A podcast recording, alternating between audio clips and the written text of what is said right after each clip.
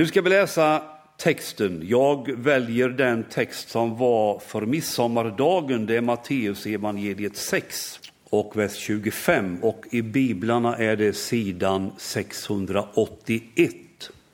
681 och vi står upp som vanligt och lyssnar på texten. Matteus 6, vers 25.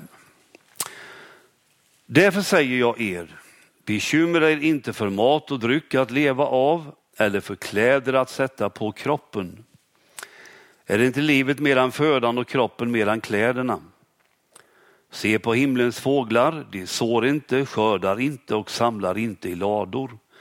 Men er himmelske fader föder dem. Är inte ni värda mycket mer än det? Vem av er kan med sina bekymmer lägga en enda aln till sin livslängd? Och varför bekymrar ni er för kläder? Se på ängens liljor, hur de växer. De arbetar inte och spinner inte. Men jag säger er, inte ens Salomo i all sin prakt var klädd som en av dem. Om nu Gud ger sådana kläder åt gräset på ängen som idag finns till och imorgon stoppas i ugnen, skall han då inte ha kläder åt er, ni trosvaga? Gör er därför inga bekymmer, fråga inte vad ska vi äta, vad ska vi dricka, vad ska vi ta på oss? Allt sånt jagar hedningarna efter, men din himmelske fader vet att ni behöver allt detta. Sök först hans rike och hans rättfärdighet så ska ni få allt det andra också. Gör er därför inga bekymmer för morgondagen. Den får själv bära sina bekymmer. Var dag har nog av sin egen plåga. Amen. Varsågoda och sitt.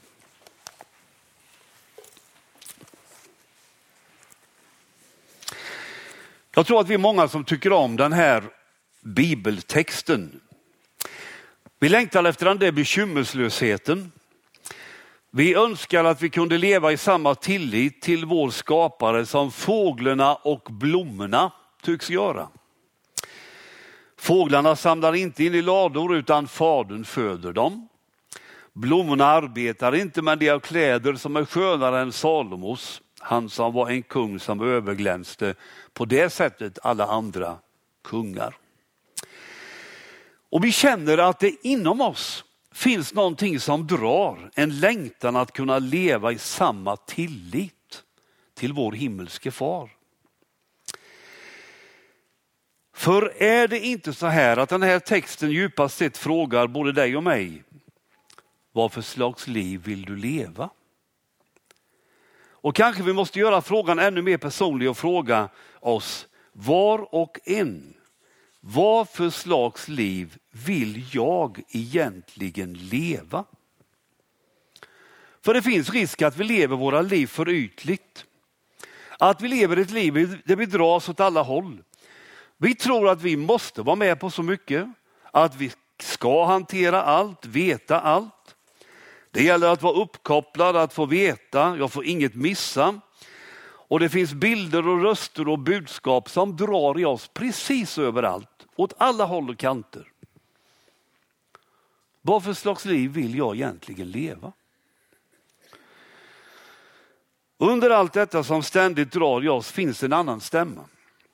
Djupt i vårt inre finns något som vill dra oss mot något djupare, enklare, fastare.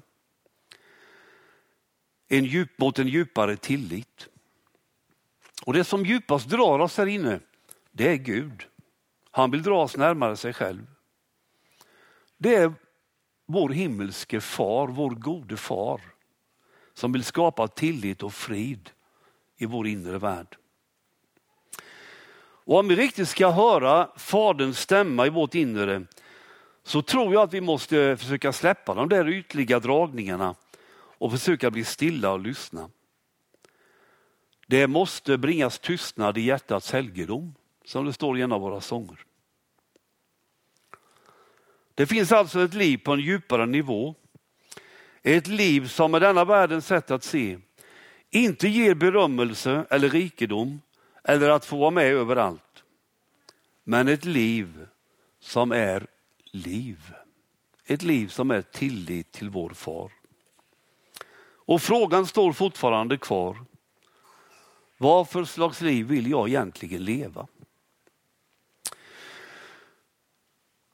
När det gäller böcker så håller jag på med, just nu på med boken Jesus från Nasaret av Josef Ratzinger. Känner du igen det namnet? Det var före påven.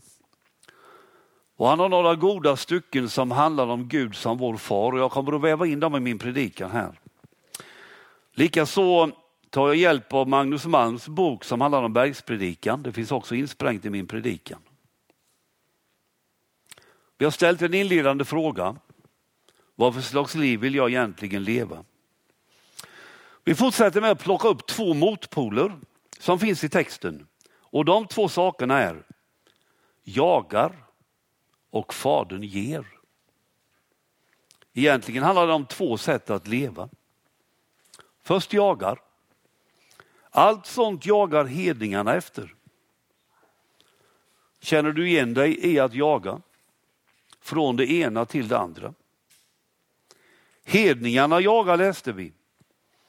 Enligt första Thessalonikerbrevet står uttrycket hedningar för människor som inte känner Gud.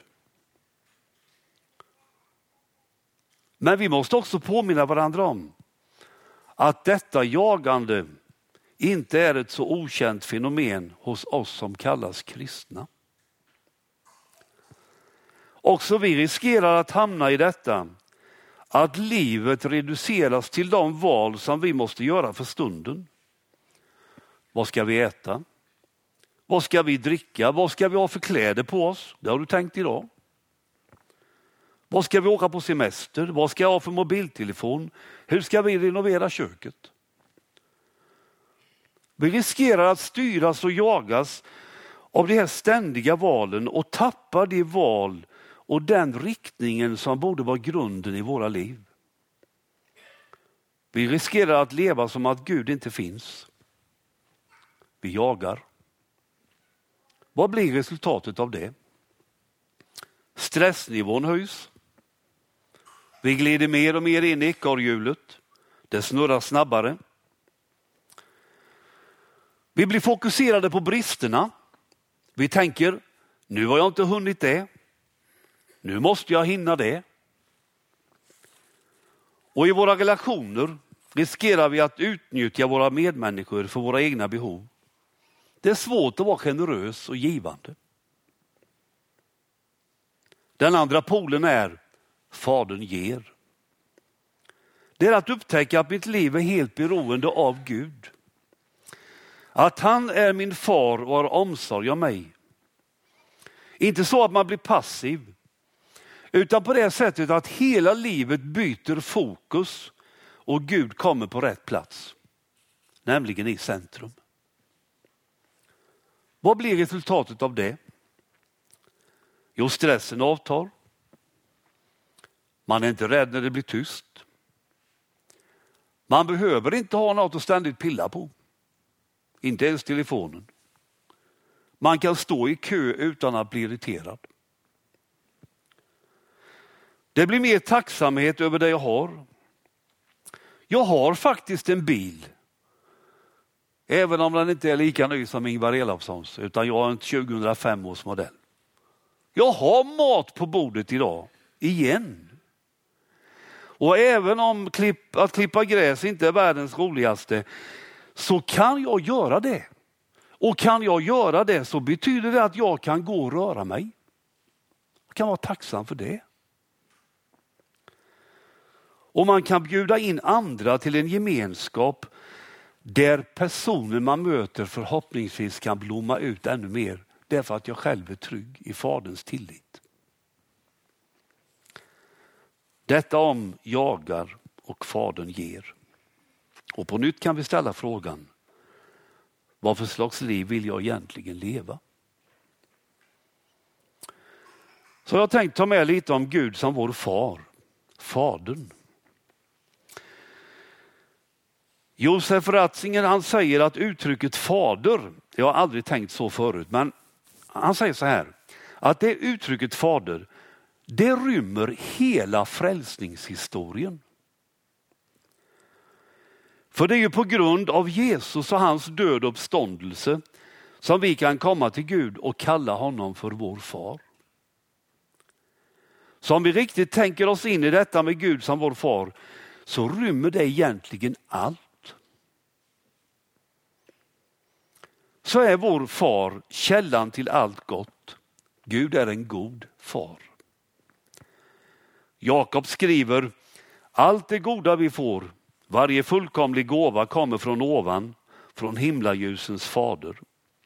Och i bergspredikan säger Jesus om Fadern, ty han låter sin sol gå upp över onda och goda och låter det regna över rättfärdiga och orättfärdiga. Och vi kan höja detta med Faderns godhet ytterligare ett snäpp.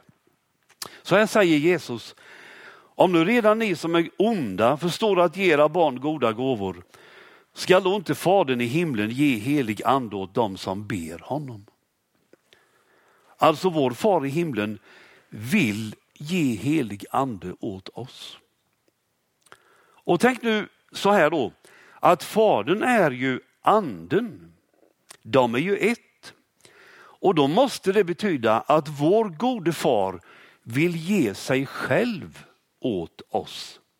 Han längtar efter att ge sig åt oss. Jag har tänkt att jag i sommar ska läsa Frank Mangs memoarer på nytt igen. Jag har klämt i en bok snart av de tre. Och ni som, som är yngre nu, som inte vet vem Frank Mangs var, han var en, en evangelist i Finland, Sverige och Norge som fick betyda väldigt, väldigt mycket. Eh, och många människor kom till tro eh, på de mötena han hade. Och så skriver han böcker där han utlämnar sig själv och man tror inte att det är sant att han som har kunnat tjäna Herren på det sättet har gått igenom så fruktansvärt mycket mörker. De är själavårdande alltså. Men i sin första bok skriver han med utgångspunkt från Psaltaren 42. Och där står det djup ropa till djup vid dånet av dina vattenfall. Och tänk nu att i bakgrunden ligger detta att Fadern vill ge sig själv åt oss. Och så säger Frank Mangs där att Guds väsens djup, alltså tänk på att Gud har ett, ett djup i sig själva. Det kan inte mättas av enbart sol och regn och mogna skördar. Gud längtar efter vårt väsens innersta. Och så finns det ett djup i människan, i dig och mig, som inte enbart nöjer sig med Guds gåvor, utan som längtar efter Herren själv. Och skriver Frank Mangs, när djupet i Guds väsen får fylla djupet i vårt väsen, då blir det som det ska vara. Fadern vill ge sig själv åt oss och mätta vår djupaste längtan. Gud vår far, han vill lära oss att vi ska lita på honom. Eh, vi läser i texten att vi inte ska bekymra oss för maten. Men i samma kapitel lär Jesus oss att be bönen vår fader och där lär han oss att be Ge oss idag det bröd vi behöver. Vi ska alltså göra vårt arbete för att få mat att äta. Men vad Jesus vill lära oss, det är att allt först och sist kommer från Gud. Det är han som ger regn, det är han som ger solsken, det är han som ger växten. Alltså det Jesus vill bevara oss ifrån, det är från frestelsen att ta makten över naturen och utnyttja den. Han vill bevara oss från frestelsen att bli styva i korken. För det kan vi bli om vi får för oss att det är vi som ytterst ordnar maten. När ytterst beror allt på en god far i himlen. Ja, det var lite om Fadern, vår himmelske far som är en god far. Tacka Herren ty han är god, står det i Saltaren 118. Så vill jag i nästa punkt bara, bara kort skicka med en del av en mening som jag fastnade för i texten. Det är fyra ord. Er himmelske fader vet. Jag vet inte, men kanske någon behöver de här orden idag. Er himmelske fader vet. I texten handlar det om att far vet att vi behöver mat och dryck och kläder. Men jag vill gärna vidga det och, och säga att vår himmelske far har koll på allt. Han vet. Och kanske du finns med i gudstjänsten idag här som kämpar med något svårt. Kanske ett sjukdomsbesked. Kanske är det något med dina barn, svårt på jobbet, svårt med ekonomin, svårt att komma överens med någon. Ja, du vet själv vad som rör sig i din tanke just nu. Och jag vill bara säga till dig, vad det än är, hur du än har det. Du är inte ensam. Din himmelske fader vet. Han vet. Och så, sök först Guds rike. Hör, det här handlar om att behålla fokus. Vi har sagt att Gud är en god far som ger oss goda gåvor. Och då gäller jag, tänker jag på, på goda gåvor i detta livet. Men det gäller att mitt i detta goda behålla fokus på det som är viktigast, att söka Guds rike först. Någon säger så här, vi får inte vilseledas av livets goda så att vi förlorar det sanna goda. Och det fortsätter, och missar vi eller förlorar det jordiska goda, då behöver vi inte gå miste om det verkligt goda, som är Gud. Sök först Guds rike. Nu tänker jag på vår församling. Vi har mycket verksamhet i vår församling. Ibland kan jag fundera på vad av allt detta vi håller på med är intressant att syssla med och vad är nödvändigt?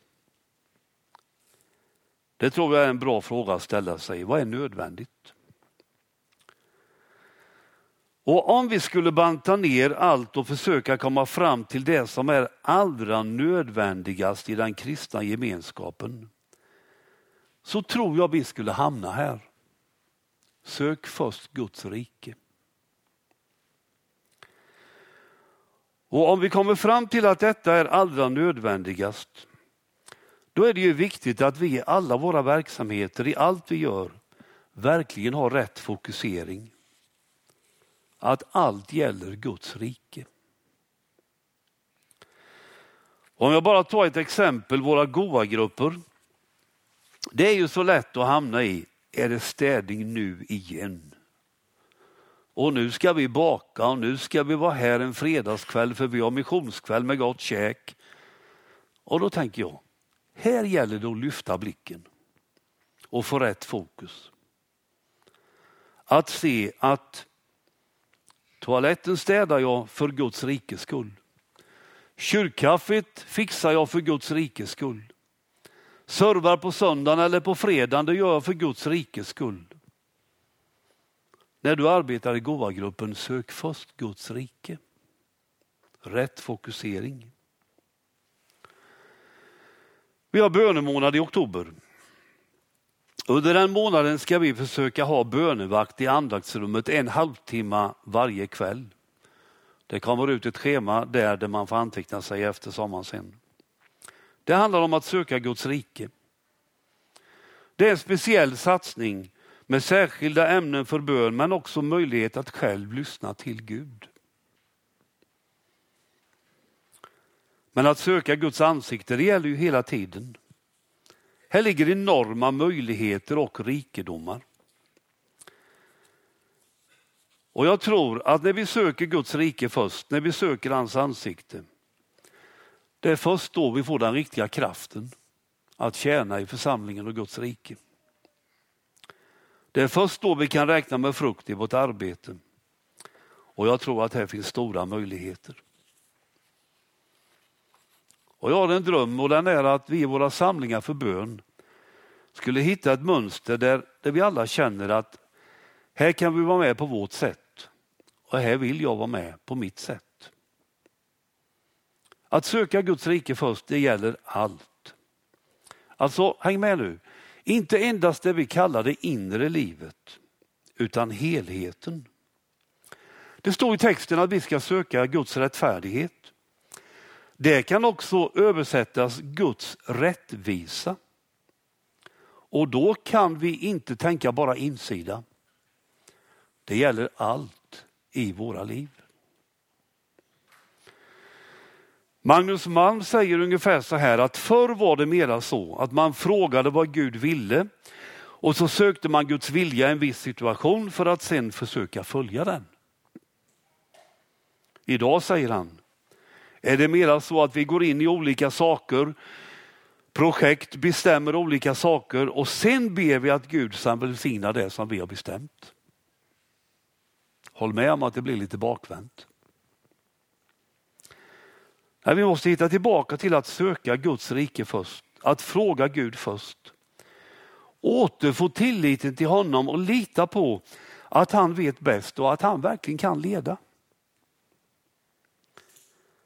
Och det gäller allt, precis allt i våra liv. Och det gäller allt, precis allt i vår församling. Så vill jag bara ta med detta att söka Guds rike först, att det är väldigt aktivt.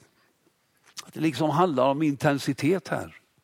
Grundtextens ord här med att söka kan översättas med jägarens sätt att spåra sitt byte.